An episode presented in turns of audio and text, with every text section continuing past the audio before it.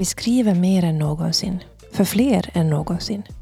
Ändå är skrivkunnigheten och att uttrycka oss inget vi kan ta för givet, tvärtom. Och nu har dessutom artificiell intelligens kommit med i bilden och börjat producera allt mer trovärdig text. Vad händer med det mänskliga skrivande? Om det handlar dagens Fokuserat.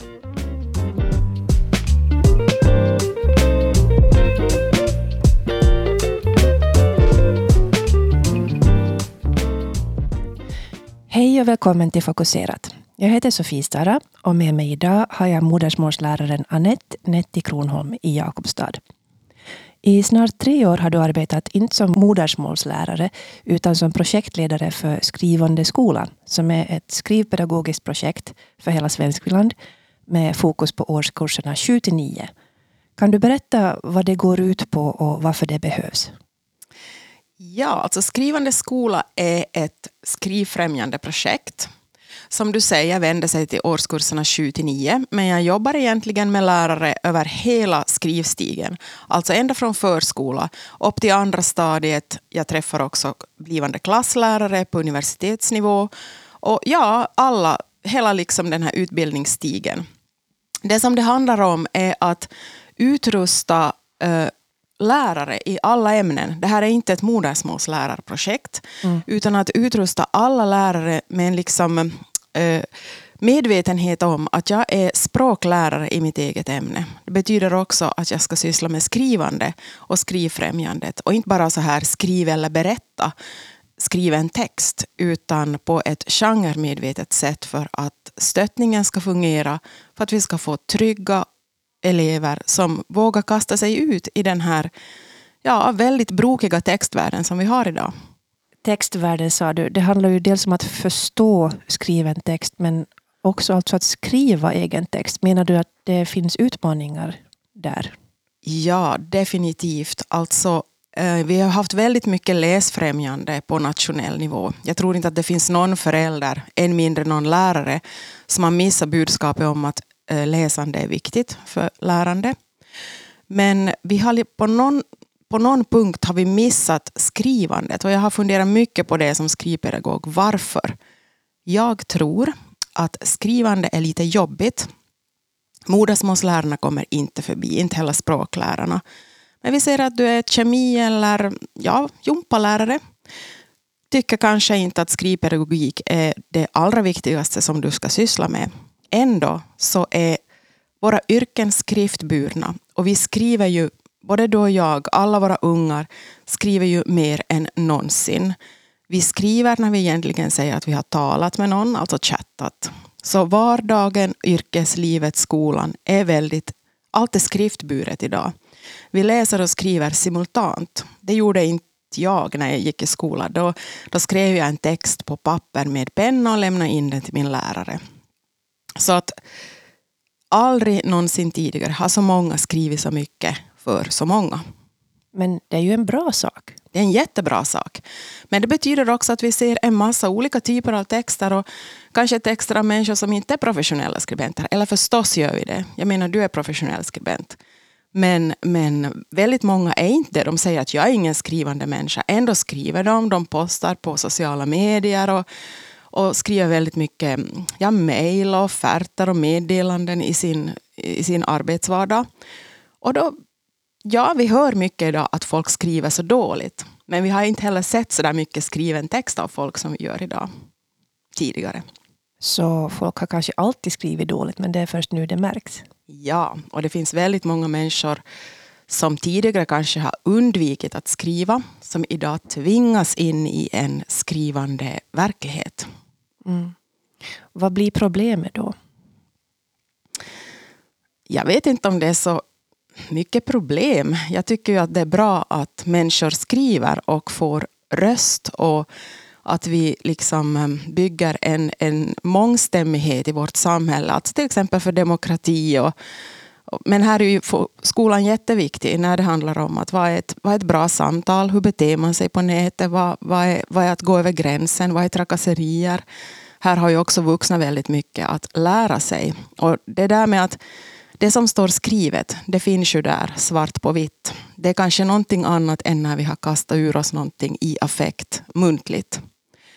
Och det där är en väldigt viktig fostranfråga och det är inte bara modersmålslärarnas sak. Men det där är ju en jätteviktig sak att ta upp, att det finns också alltid kvar.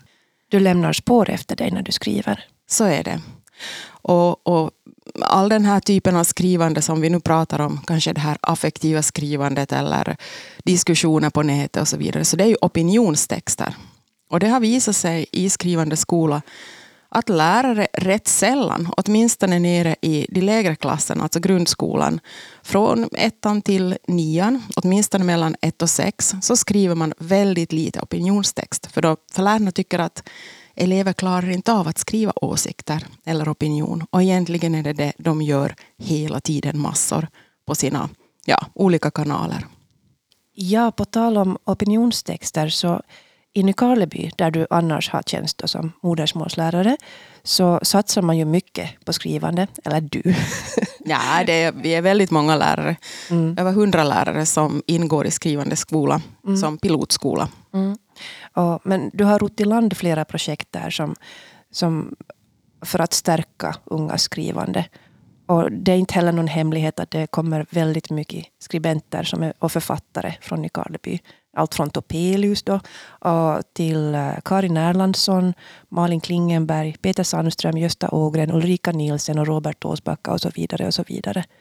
Och nu har jag varit jurymedlem i en skrivtävling, Skrivtid, för alla barn från förskolan till nionde klass i just Nykarleby.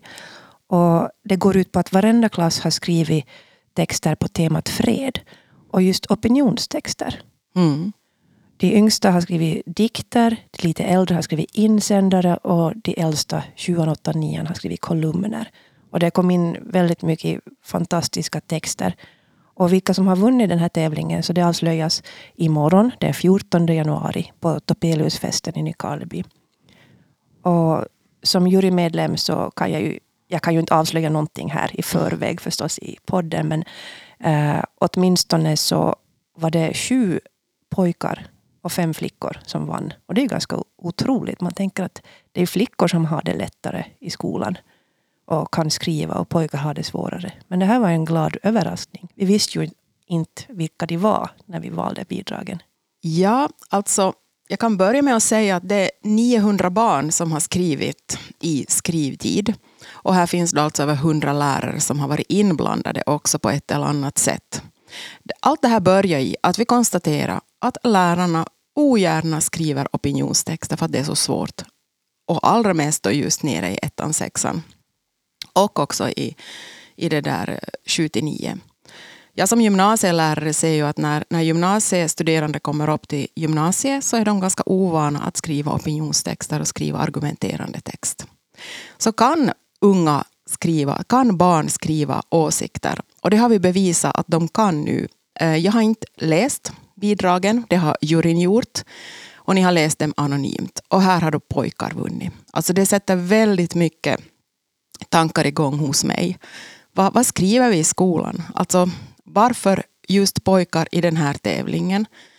Eh, för det första så har lärarna jobbat stöttande. De har fått inspirationsmaterial som fantastiska lärare i Karleby har tagit fram.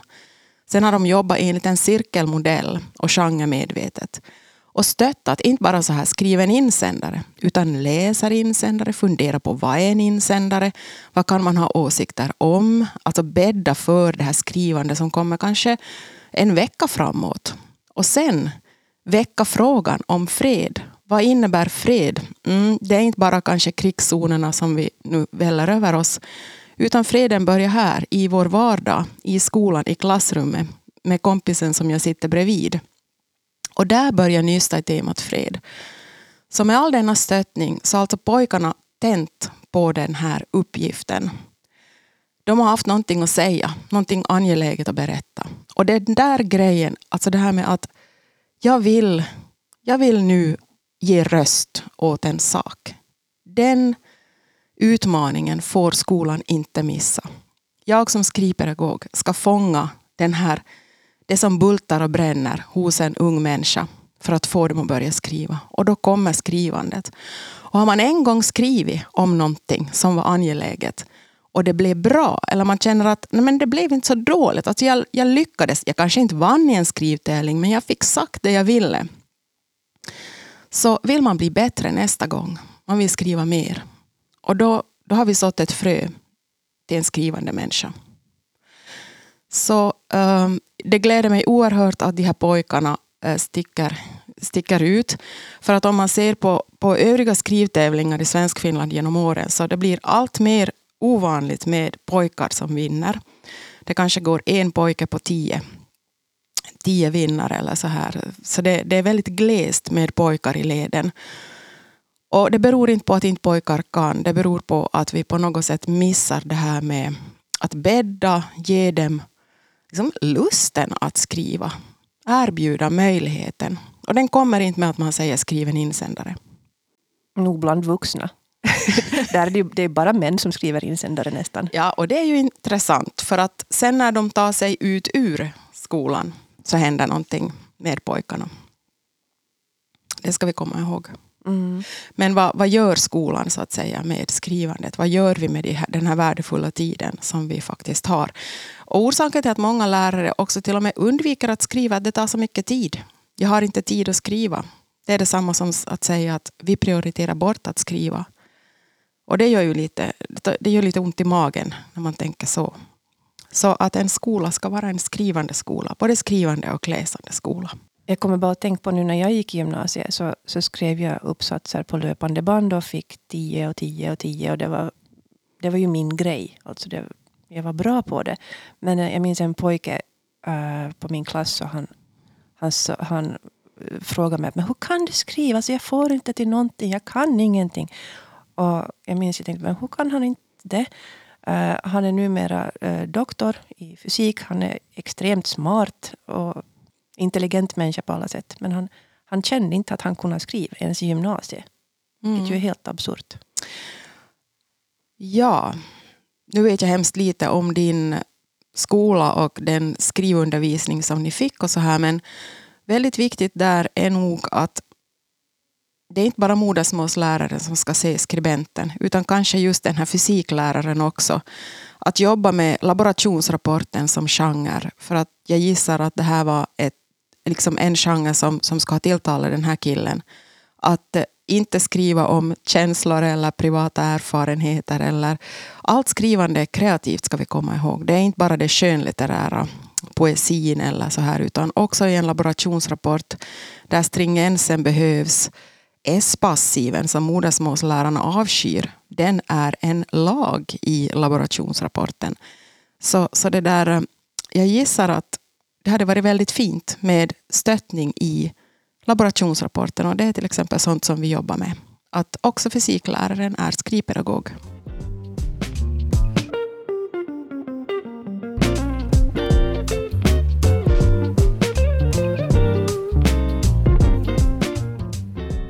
En del känner ju att man måste skriva, till exempel jag.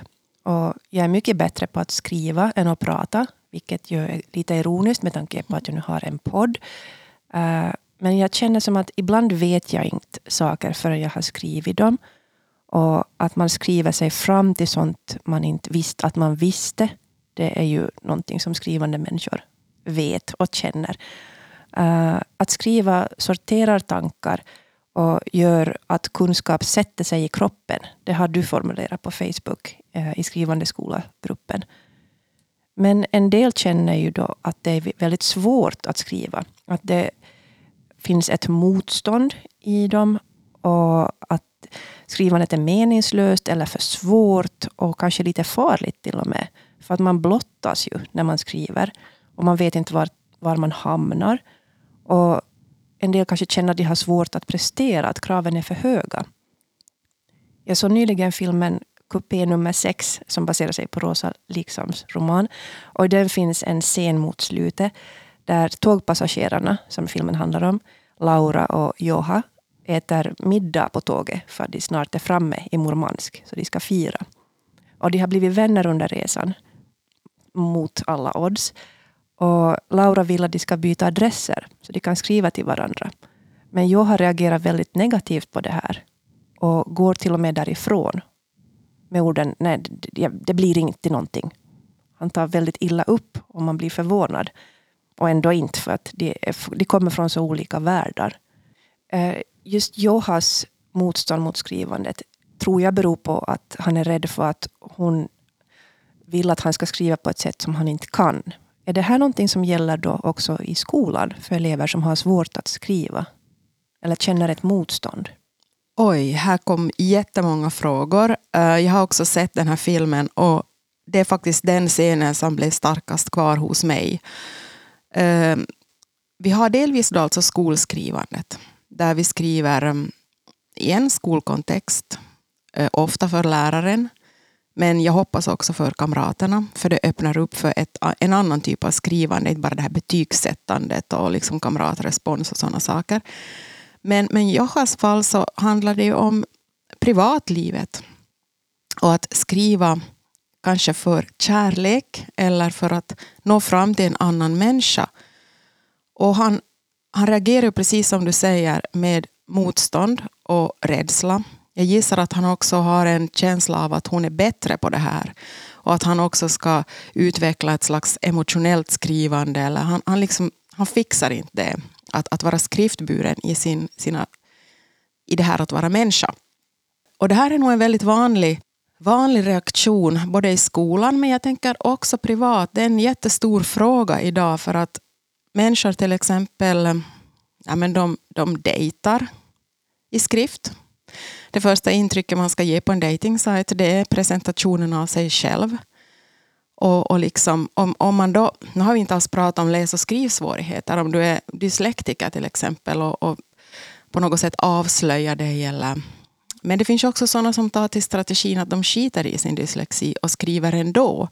Och skriver på talspråk. Och det finns jättemycket kreativitet i talspråket och emojin och, och allt där. Men det funkar ju inte så bra sen när du skriver studentexamen till exempel. Eller ett prov i skolan.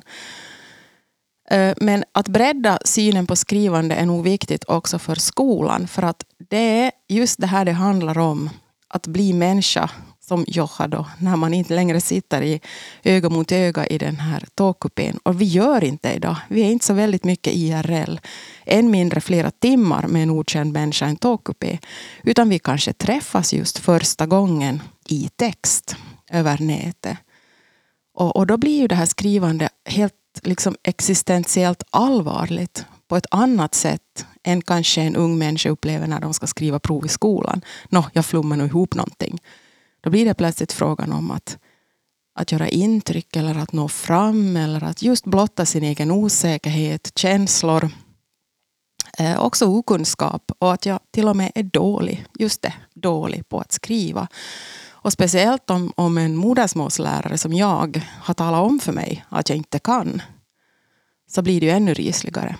Alltså de där röda bockarna kan sitta ganska djupt i nacken på, på en människa. Och länge.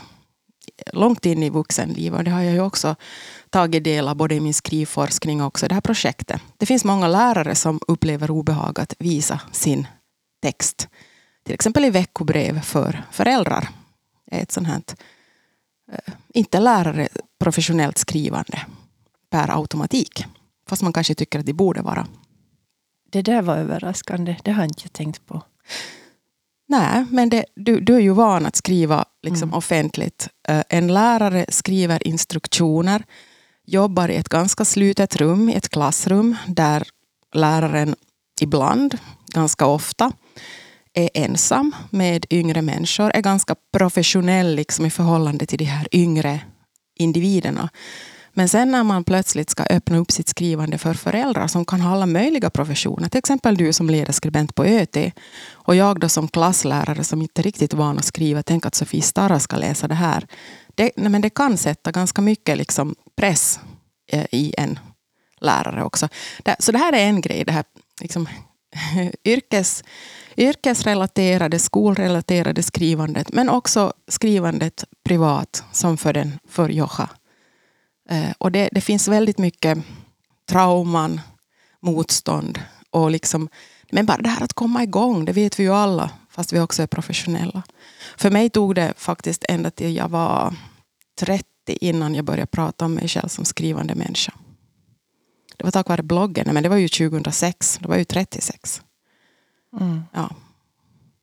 då blev jag offentligt skrivande människa, inte för det.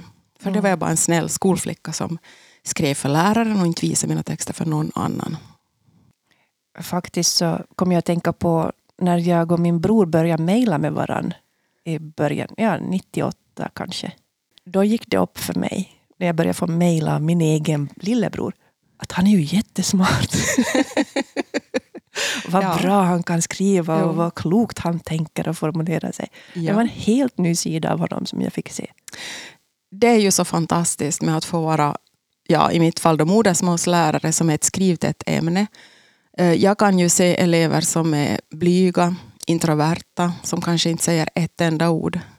När de väl får skriva och uttrycka sig så uppstår någonting helt annat i kommunikationen, liksom i skrift och en helt annan identitet vecklar ut sig. Och över år så kan ju det där bli en väldigt um, spännande dialog mellan, alltså en tyst dialog som ingen annan ser än studerande och jag.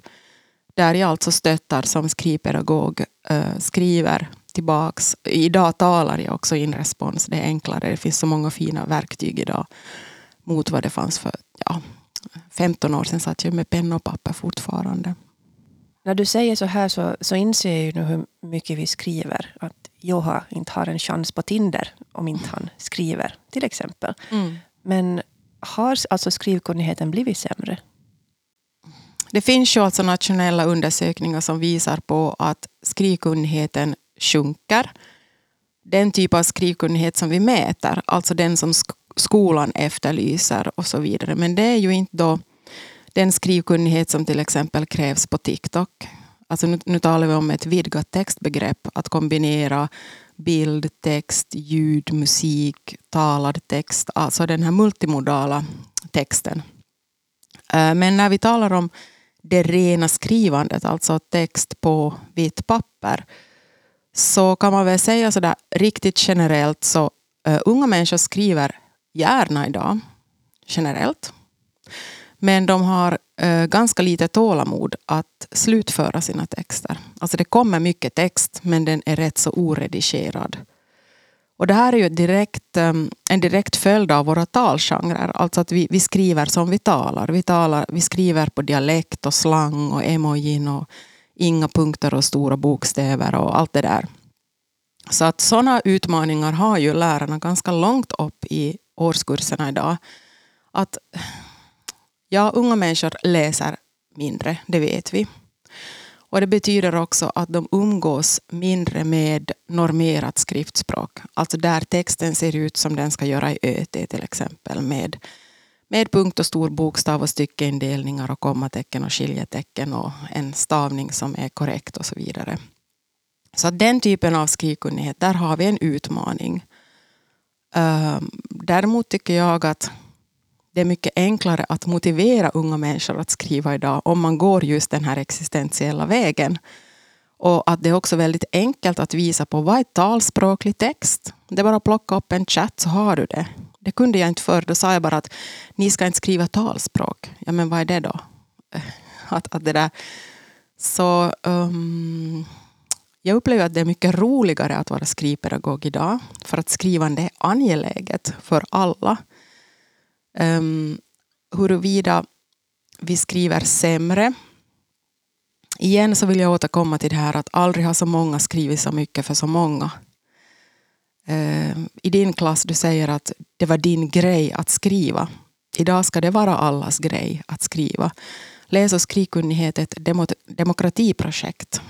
Vi behöver alltså skrivkunnigheten för att bli aktiva samhällsmedborgare. Och ja, det är nog helt enkelt bara att försöka att hålla på som skrivpedagog och inte ge upp. Och att läsandet och skrivandet är viktigt. Och jag tänker också på föräldrarna. att Föräldrarna är också skrivande förebilder. Vi talar om dem som läsande förebilder, men de är också skrivande förebilder. Att till exempel när du chattar med ditt barn så inte behöver man kanske skriva den på näsan, men en viss språkfostran, punkt och stor bokstav och något sådana här fullständiga meningar. Och att inte då chatta på dialekt med barnet här i Österbotten. Eller väldigt mycket blandspråk i mer finskspråkiga regioner. Det är ganska okej okay att göra så tycker jag, för att det, Det är språkfostran i förhållande till det egna barnet. Också lärarna. Du skickar bara röstmeddelanden åt mig. Så. Ja, jo, jag vet. Allt går ju över i, i det Mina barn skriver faktiskt fortfarande och dina barn är yngre än mina. Uh, och som du säger, att tala in text idag. Vi har ju goda dikteringsverktyg. Så är du lite finurlig som, som ung idag så talar ju du in din text och sen redigerar du den med punkt och stor bokstav och plockar bort de största talspråkligheterna. Så har du egentligen skrivit ganska lite men texten är ändå din. Mm. Den där finurligheten uh, har ju fått nya vingar i och med chattbottar som ChatGPT till exempel. Mm. Som, som blixt och dunder skakade om världen i slutet av förra året. Hur ser du på, på den och vilken utmaning innebär chatbotten för skolan och skrivandet?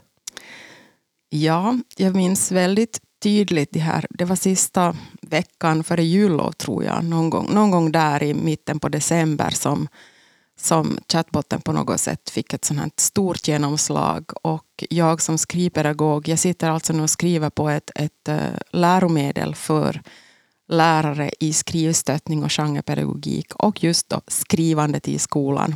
Och du vet med inlämningsuppgifter och så vidare. Och jag har ju hört om AI och kanske som de flesta andra lite sådär ehm, ja, men blundat. Eller, men nu blev det ju verkligen allvar av det här. Och jag blev nog alldeles kallsvettig och tänkte alltså, ja, skrivande skola, allt det jag nu just författar här, har det någon som helst betydelse? Vad, vad blir det av skrivpedagogiken i skolan, det framtida skrivandet? Det satte ju iväg liksom en spin-off liksom i mina tankar. Så första reaktionen var nog liksom eh, oj, nej, hjälp. Men ganska snabbt så besinnade jag mig och började tänka efter. Och, eh, ja, alltså om jag skulle vara lärare i klassen nu så skulle jag ta in chatbotten som en skrivassistent. Vi skulle testa den som, som en skrivhjälp. Till exempel att skriva en recension. Men jag skulle lägga till element i skrivuppgiften som att till exempel ta in Sofie Staras eller någon annan recensents synpunkter på samma bok. Gör en jämförande analys mellan två verk eller någonting sånt. Och också eh, vara väldigt noga med citat och referat, och, alltså hänvisningstekniken. Men kanske skapa en botten och säga att kan den där chattbotten hjälpa oss eller är den värdelös än så länge? Eh, jag tror ju, eller vi måste nog hålla hårt i skrivkunnigheten. Alltså barn Barn behöver ett, en resa genom läsande och skrivande för att bli skrivande och läsande människor. Annars så är det ju någon annan, en chatbot som kommer att sköta det här för framtiden. Och, eh, alltså det är ju väldigt många skrämmande tankar här som, som dyker upp. Inte att kanske, ja, än så länge kan inte en chattrobot tänka själv. Men vi kan förblindas av det och tycka att den tänker väldigt smart. Jag har lekt mycket med chatbotten nu och sett att den gör väldigt mycket fel. Åtminstone när det gäller finlandssvenska författare eller ja, men skriven presentation på Anette Kronholm. Det blev väldigt lustigt. Mm. Ja, det är ju fortfarande bara kod. Det är bara matematik. Ja. Det, det finns ingenting mänskligt bakom texter som artificiell artificiell intelligens producerar. Nej, och jag ser ju eh, alltså en, en text av, som den ser ut idag, så jag hade ju luktat mig till fuskskrivaren genast, fast jag inte kan googla det här. Alltså det är ju en text som är väldigt um, avskalad, klinisk. Den doftar inte människa, ännu mindre 16-åring med alla möjliga tics som unga har när de skriver. Jag har umgått så mycket med unga människors skrivande så att den, den kan inte imitera en 16-årings språk. Nej, för de, de, texter jag har sett som är skrivna just av en chatbot är ju väldigt, ja, det är tomma mm. på något vis. Man märker att det är inte en mänsklig avsändare. Jag kan inte sätta fingret på vad, men det är någonting med en för neutral och positiv ton alltigenom. Det är liksom månskensgröt. Ja, det är blankt och smaklöst. Ja, och vitt och ingen doft. Mjölkigt. Ja, definitivt.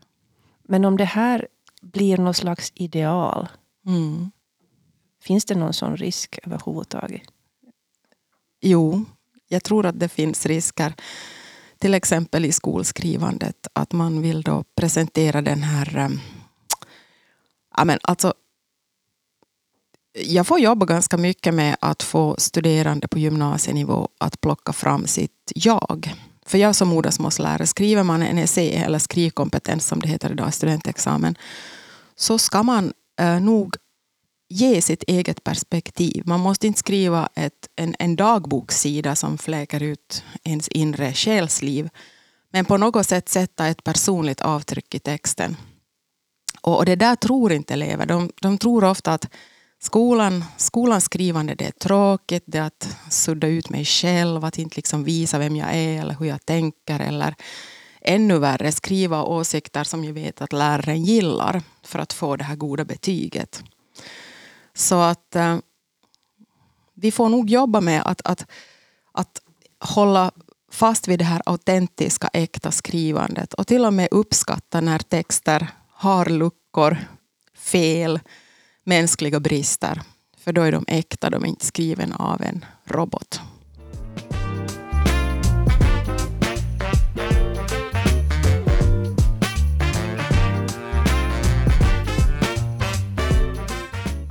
Det finns ju det här mänskliga i skrivandet som du just var in på. Det här som, som skaver och, och som har humor och känner sorg och är mångbottnat, komplext och både fult och vackert.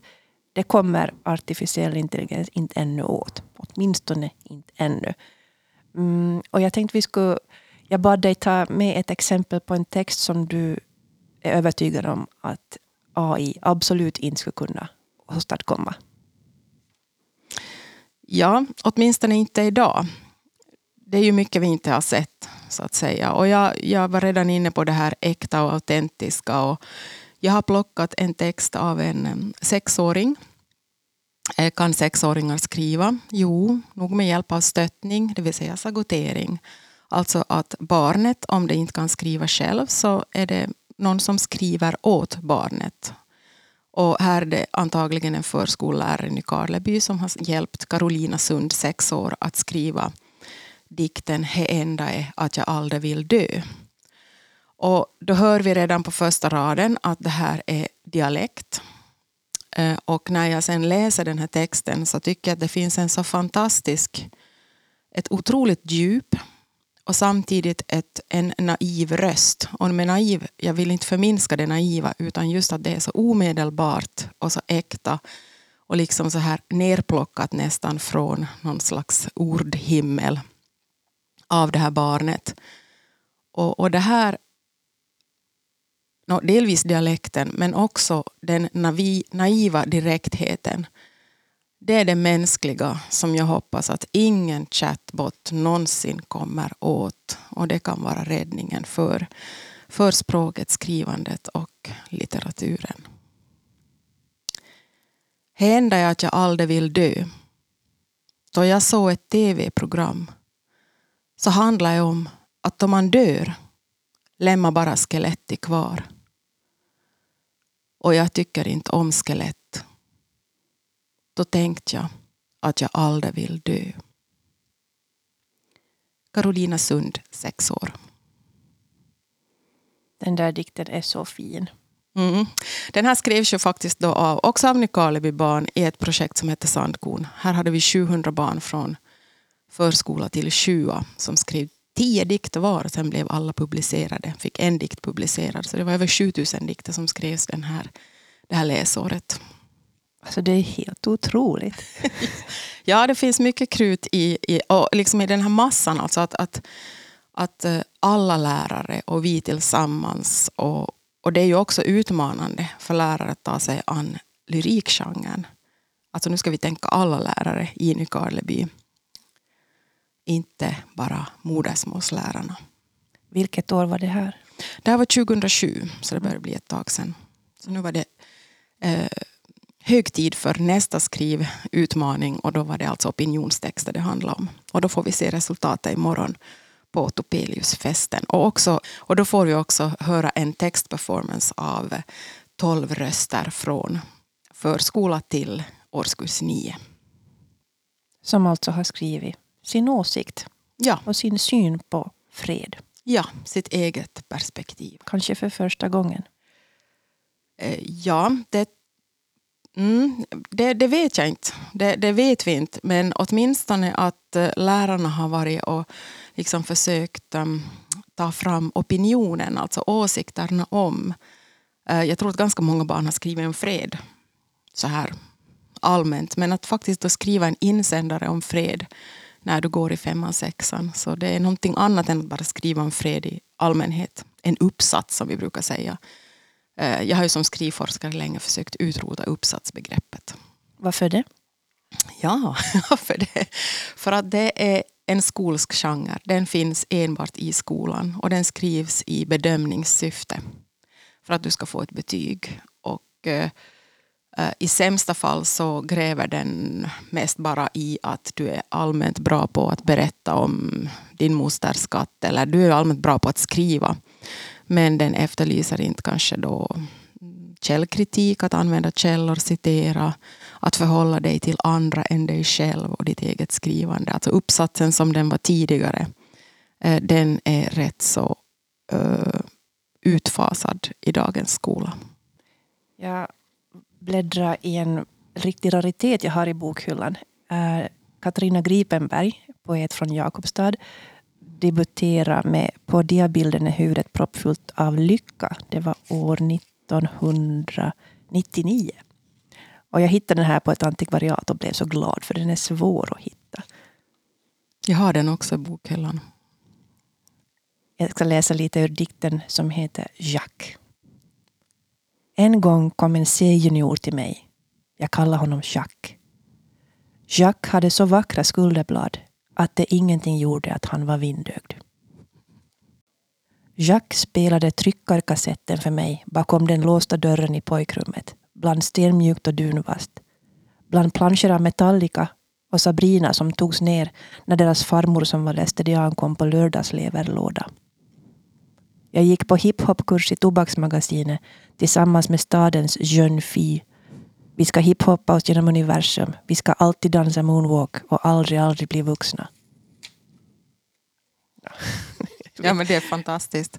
Jag kunde bara fortsätta. Bara ett ord som lördagsleverlåda. Det, det, och, och jag tänker, det är intressant att vi båda valde lyriken som genre. Eh, Jag gissar ju att det kommer vara den som är svårast för en chatbot att eh, producera i framtiden. Jag gjorde något försök med lyrik och det, var, det blev alltså julklappsrim och tre radingar och, och, och slutrim i slutet av raden. Och det var inte bara mediokert, det var uselt. Ja.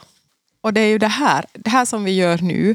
Att vi högläser och delar texten med varandra och att vi fnissar och blir liksom, ja, både minns och, och fascineras över nya ord, lördags, leverlåda.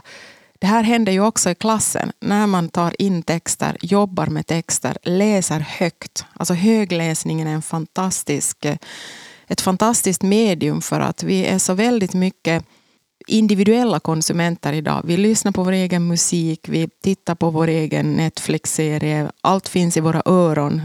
Kompisen som sitter bredvid gör något helt annat. Men när man samlas i ett klassrum, det är liksom forntidens eh, lägereld eller kyrka eller någonting. Att, att komma till klassen, det är väldigt sällan man sitter, tvingas sitta med sådana som man annars inte skulle umgås med. Och så högläser vi tillsammans, inte bara läraren, utan jag brukar köra dagens dikt. Att varje lektion inleds med en dikt som en elev har, eller en studerande har valt och berättar varför och så vidare. Och det, det ligger en sån kraft i att uppleva tillsammans och att eh, till exempel Katarina Gripenbergs eh, texter får liv genom en annans röst och eh, ord eller ljudklang och, och så här. Det, våra IRL-klassrum behövs av sådana orsaker. Att uppleva tillsammans på samma plats. Jag kommer att tänka på filmen uh, Dead Poets Society. Ja, absolut. Den tittar vi på många gånger under min, liksom i början av min lärarbana och också under lärarutbildningen. Så den har nog varit en stor inspirationskälla för många lärare tror jag. Och, och just den typen av undervisning, sånt vi inte kan göra på distans, alltså känna dofter, smak, ljud, uppleva stämningen, laddningen i ett rum. Den måste vi hålla fast vid för att vi ska ha ett IRL-klassrum i framtiden. Vi vet inte heller så mycket om det. Tack ska du ha Netti. Det var väldigt roligt att ha dig här. Och tack för att jag fick komma. Jag tror att vi skulle ha åtminstone fem poddar till att snacka om. Ja, det tror jag också.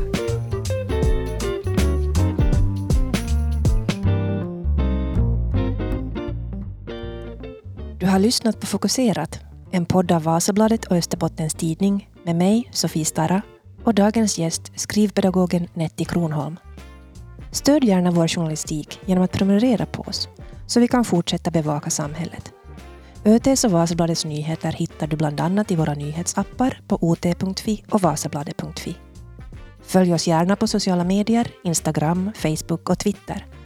Och vi hörs igen i Fokuserat om två veckor. Tack för att du lyssnar.